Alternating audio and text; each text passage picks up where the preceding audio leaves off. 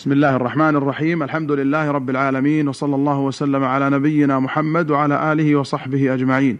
أيها المستمعون الكرام السلام عليكم ورحمة الله وبركاته واهلا وسهلا بكم إلى حلقة جديدة من برنامج اقتضاء الصراط المستقيم لمخالفة أصحاب الجحيم لشيخ الإسلام أحمد بن عبد الحليم بن تيمية رحمه الله. يشرح الكتاب في هذه الحلقات صاحب الفضيلة الشيخ صالح بن فوزان الفوزان عضو هيئة كبار العلماء وعضو اللجنة الدائمة للإفتاء. في مطلع هذه الحلقة نرحب بشيخنا الكريم. حياكم الله شيخ صالح. حياكم الله وبارك فيكم. قال المؤلف رحمه الله تعالى واعلم أن أهل القبور من الأنبياء والصالحين والمدفونين يكرهون ما يفعل عندهم كل الكراهة كما أن المسيح عليه السلام يكره ما يفعل النصارى به. بسم الله الرحمن الرحيم. الحمد لله رب العالمين. صلى الله وسلم على نبينا محمد وعلى آله وأصحابه أجمعين. غرض الشيخ رحمه الله بهذا الكلام أن يبين أن الأولياء والصالحين والأنبياء والمرسلين يكرهون ما يفعله المبتدعة والمشركون عند قبورهم لأنهم جاءوا بالنهي عنه نعم. والتحذير منه في حياتهم فهم يكرهون أن يفعل هذا عند قبورهم وهذا فيه رد على هؤلاء المبتدعة الذين يظنون أن الأولياء والصالحين والأنبياء يرضون بذلك وأنهم طلبوا منهم أن يفعلوا هذا عند قبورهم بعد موتهم كما يلفقون الأكاذيب في ذلك. ومما يدل على هذا أن المسيح عليه السلام يتبرأ مما يفعله النصارى. ويعتقدون ويعتقدونه فيه أنه أنه ابن الله أو ثالث ثلاثة أو أنه قال لهم اعبدوني من دون الله. قال الله سبحانه وتعالى إذ قال الله يا عيسى وإذ قال الله يا عيسى ابن مريم أأنت قلت للناس اتخذوني وأمي إلهين من دون الله؟ قال سبحانك.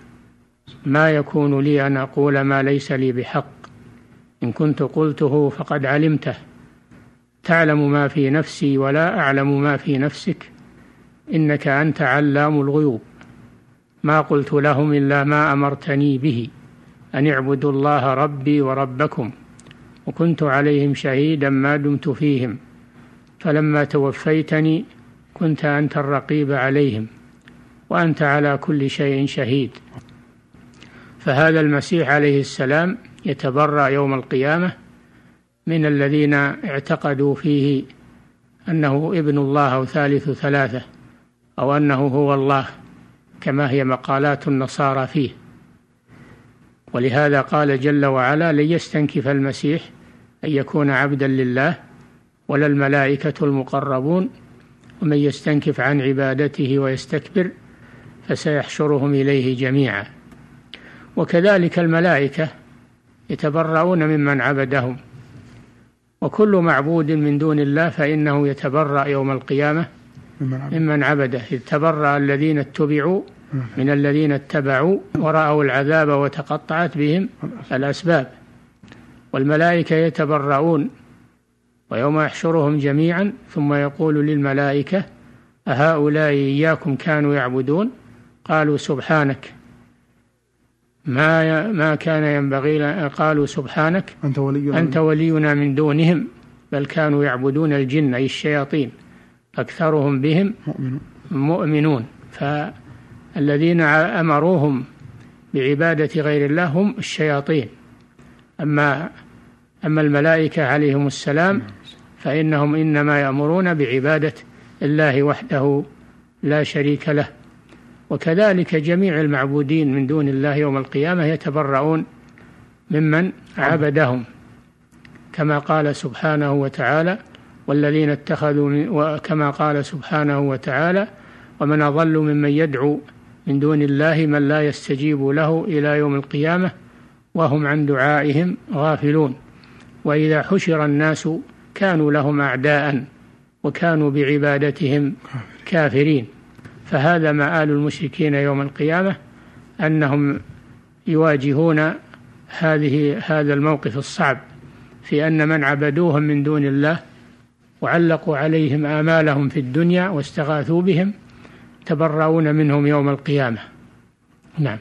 أحسن الله إليكم. قال أن أهل القبور من الأنبياء والصالحين يكرهون ما يفعل عندهم كل الكراهة كما أن المسيح عليه السلام يكره ما يفعل النصارى به. وكما كان أنبياء بني إسرائيل يكرهون ما يفعله الأتباع. قال فلا يحسب المرء المسلم أن النهي عن اتخاذ القبور أعيادا وأوثانا فيه غض من أصحابها بل هو من باب إكرامهم. وذلك أن القلوب إذا اشتغلت بالبدع أعرضت عن السنن. فتجد أكثر هؤلاء العاكفين على القبور معرضين عن سنة ذلك المقبور وطريقته نعم. فلا يظن أن أن هؤلاء المقبورين من الأولياء والأنبياء والصالحين أنهم يرضون بذلك وأنهم أمروا بذلك بل على العكس إنما نهوا عن ذلك وجاهدوا عليه في حياتهم. فهم فهم لا يرضون بذلك وينكرونه وشد الاستنكار ويوم القيامة يظهرون البراءة منه علانية أمام أمام الأشهاد يوم القيامة.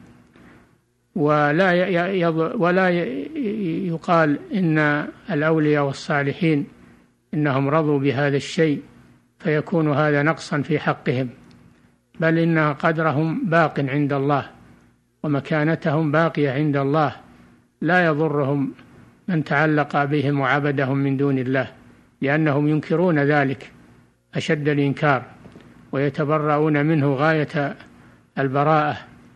فقدرهم باق والحمد لله. قيمتهم عند الله باقية لأن الله يعلم أنهم لا يرضون بذلك وأنهم كانوا ينكرون ذلك. نعم.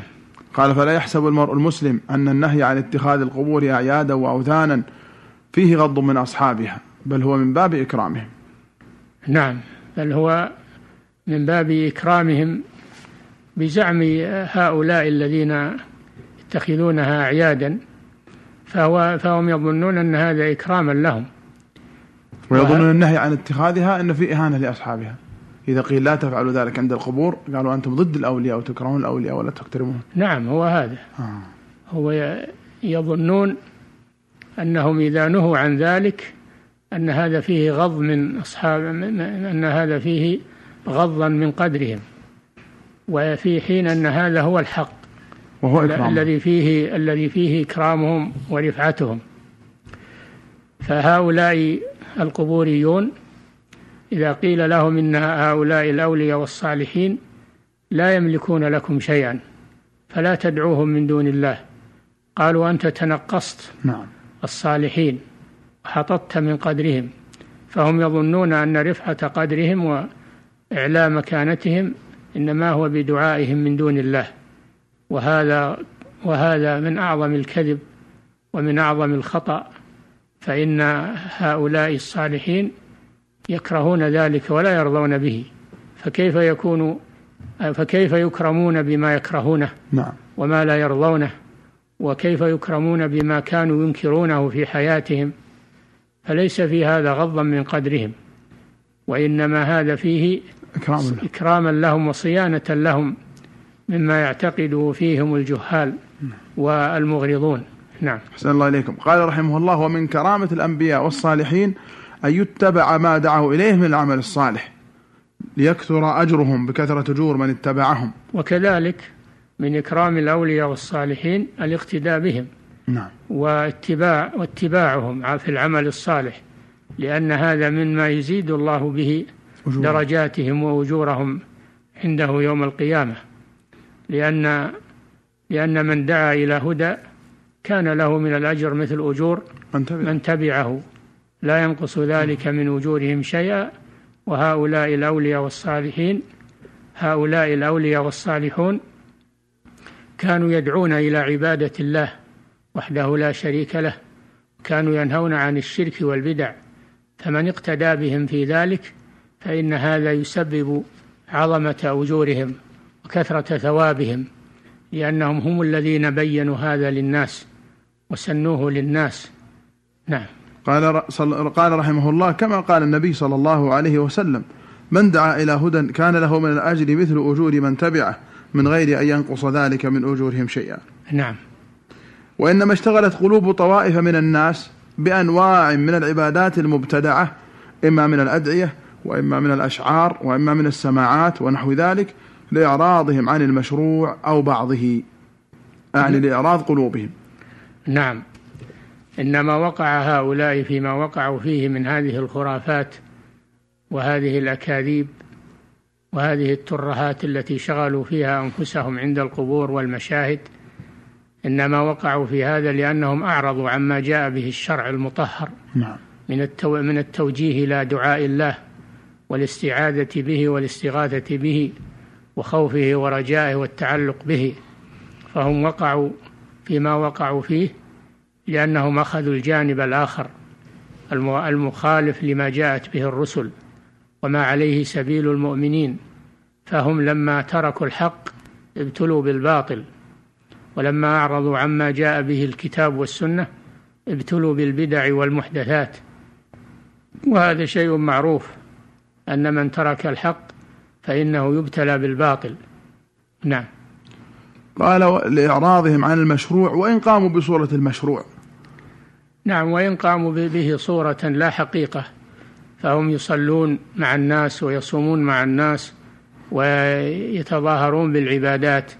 لكن ما في قلوبهم من الاعتقاد في غير الله ودعاء غير الله والميل إلى المخلوقين هذا هو الذي يخلفهم عن اللحاق بالصالحين. نعم.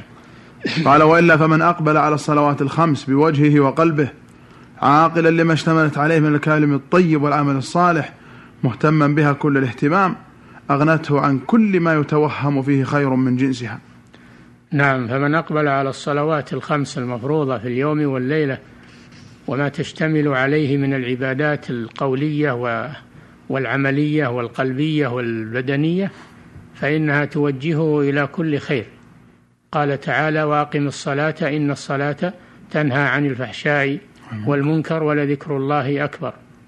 فلو أنهم أقبلوا على الصلوات الخمس بقلوب حاضرة وتأملوا ما فيها من الأسرار العظيمة لشغلتهم عن ما يخالف الحق. قال صلى الله عليه وسلم إن في الصلاة لشغل, لشغل. نعم. قال ومن أصغى إلى كلام الله وكلام رسوله بعقله وتدبره بقلبه وجد فيه من الفهم والحلاوة والبركة والمنفعة ما لا يجده في شيء من الكلام لا منظومه ولا منثوره نعم مما يعوض بل بل هو الأصل ما يعوض بل هو الأصل مما وقع فيه هؤلاء هو هذه الأمور أن يتعلق الإنسان بالعبادات المشروعة يتعلق بالصلوات الخمس وأدائها على الوجه المشروع والتأمل فيها وبتدبر كلام الله القرآن العظيم كلام رسوله صلى الله عليه وسلم تفقه في ذلك فإن هذا سبيل الرشاد لمن يريد الحق. لكن لما أعرضوا عن هذه الأمور وصاروا يصلون صلاة صورية ويقرؤون القرآن ولا يتدبرونه ويسمعون الذكر ولا يتأملون فيه صارت حالتهم كحالة هؤلاء الذين آه الذين طمست بصائرهم والعياذ بالله فأعرضوا عن ذكر الله. ومن قال جل وعلا ومن يعش عن ذكر الرحمن قيض له شيطانا فهو له قرين. ومن أعرض عن ذكري فإن له معيشة ضنكا ونحشره يوم القيامة أعمى. نعم. قال ومن اعتاد الدعاء المشروع في أوقاته كالأسحار ودعاء أدبار الصلوات والسجود ونحو ذلك أغناه عن كل دعاء مبتدع في ذاته أو في بعض صفاته. وكذلك بعد التأمل في الصلاة المفروضة وفي كتاب الله سنة رسوله صلى الله عليه وسلم كذلك تعلق بالأوقات الفاضلة وأوقات الإجابة وذلك كأدبار الصلوات وكذلك في أوقات السحر وفي قيام الليل وفي يوم الجمعة وفي شهر رمضان وليلة القدر وغير ذلك من الأوقات الفاضلة فإن هذا مما يحيي القلوب ويذكر بالله سبحانه وتعالى ويفقه الإنسان في دين الله عز وجل حتى يستغني بذلك عن كل ما سواه من الأباطيل. نعم. قال فعلى العاقل أن يجتهد في اتباع السنة في كل شيء ويعتاض عن كل ما يظن من يظن من البدع أنه خير يعتاض بنوع من السنن فإنه من يتحرى الخير يعطى ومن يتوقى الشر يوقى نعم. العاقل المراد به العاقل العقل السليم الذي يدرك الخير ويدرك الشر ويميز بين الحق والباطل. فالعاقل إذا تأمل في هذه الأمور المشروعة وهذه الأسرار العظيمة في العبادات فإن ذلك مما يعلق قلبه بها ويغنيه عما سواها ومن يطلب الخير يحصل عليه بإذن الله ومن يتوقى الشر يوقه أي يتوقع هو يتوقع الشر ويحذر من الشر نعم. أما الذي أما الذي لا يتأمل في هذه الأمور ولا يعرف الخير من الشر وأيضا لا يتحرى الحق وإنما يمشي على العوايد وما عليه عوام الناس وما يرى الناس يفعلونها بدون تبصر فهو الذي يقع في هذه المهالك. نعم. صلى الله إليكم. قال رحمه الله فصل. فأما مقامات الأنبياء والصالحين وهي الأمكنة التي قاموا فيها أو أقاموا أو عبدوا الله سبحانه لكنهم لم يتخذوها مساجد فالذي بلغني في ذلك قولان عن العلماء المشهورين. أحدهما النهي عن ذلك وكراهته وأنه لا يستحب قصد بقعة للعبادة إلا أن يكون قصدها للعبادة مما جاء به الشرع مثل أن يكون النبي صلى الله عليه وسلم قصدها للعبادة كما قصد الصلاة في مقام إبراهيم وكما كان يتحرى الصلاة عند الأسطوانة وكما يقصد المساجد للصلاة ويقصد الصف الأول ونحو ذلك. والقول الثاني نعم. هذه مسألة عظيمة وهي نعم. مسألة الأمكنة التي مر بها الأنبياء أو جلسوا فيها أو صلوا فيها.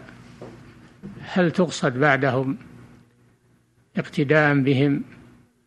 فيقال الجواب عن ذلك ما قصدوه من أجل التشريع فإنه يقصد. فالأمكنة التي قصدها الأنبياء من أجل التشريع لأممهم هذه تقصد. كقصد المسجد الحرام والمسجد النبوي والمسجد الأقصى وكذلك آه، الصلاة عند مقام إبراهيم الذي قال الله جل وعلا اتخذوا من مقام إبراهيم مصلى وصلى عنده النبي صلى الله عليه وسلم وتلا هذه الآية بعد طوافه. فما فما قصده الأنبياء من أجل التشريع لمن بعدهم فإنه يقصد يعني لحمل أممهم على فعله. أي نعم. فإنه تقصد هذه البقاع التي قصدوها لأجل آه، التشريع والاقتداء بهم فيها. فإنها أماكن مباركة. وأما ما فعلوه اتفاقا أما ما فعلوه اتفاقا من غير قصد لأن أدركتهم الصلاة فصلوا في هذا المكان أو أرادوا أن يستريحوا فاستراحوا في هذا المكان. من غير قصد وإنما هو اتفاق فهذا لا يقصد فهذا لا يقصد من بعدهم. واتخاذه آه، مكانا للعبادة يكون من البدع لأنهم لم يشرعوا لنا ذلك وإنما فعلوا هذا اتفاقا فقط. نعم.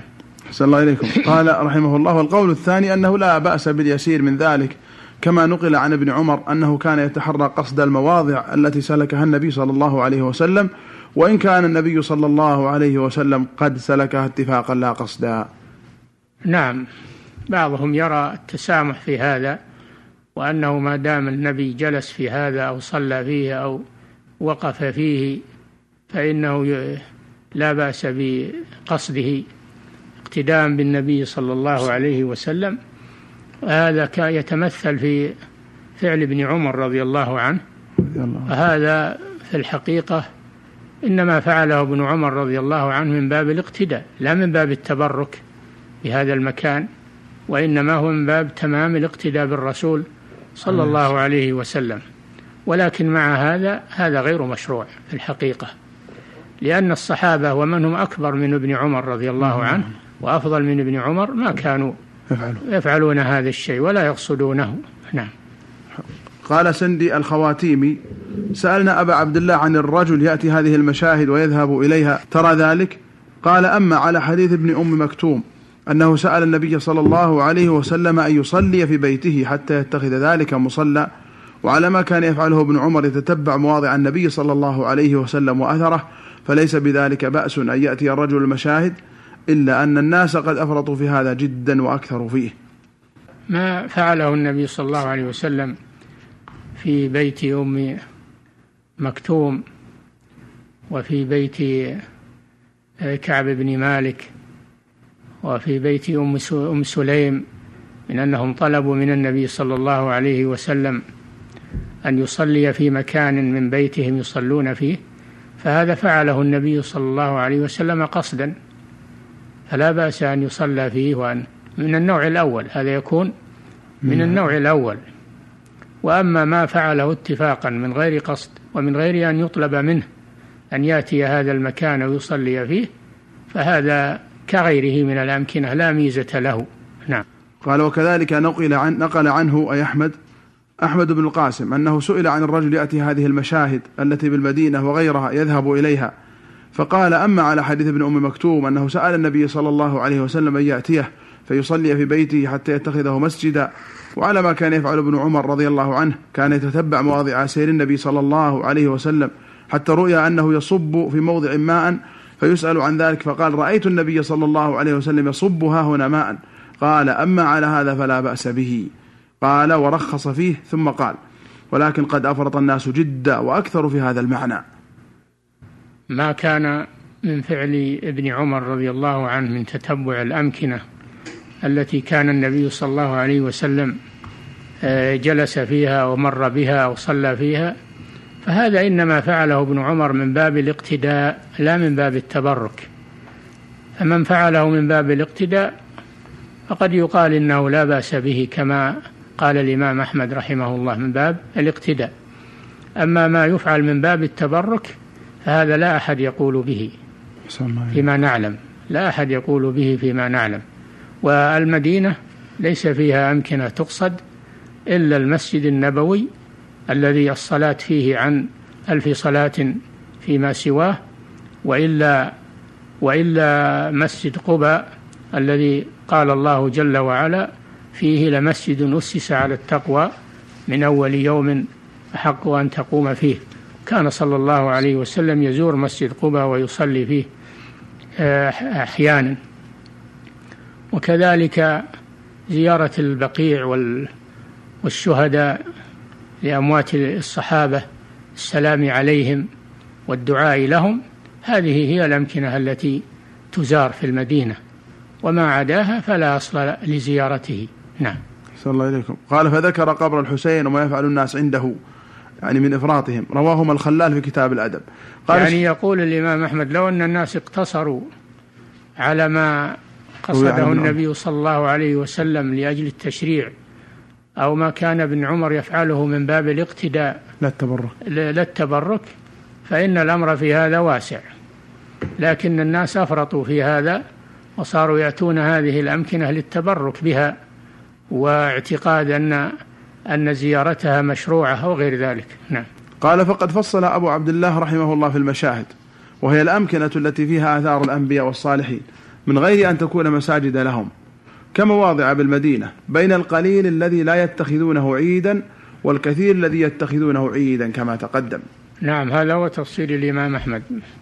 ما كان يتردد عليه ويعتقد فيه فهذا لا يجوز. أما ما كان من باب المرور عليه من باب الاقتداء بالرسول صلى الله عليه وسلم فهذا يتسامح فيه ولكن لا يفرط فيه كما ذكر الإمام أحمد. لا يفرط في هذا الأمر ويتبرك بهذه الأمكنة أو تتخذ مصليات. نعم.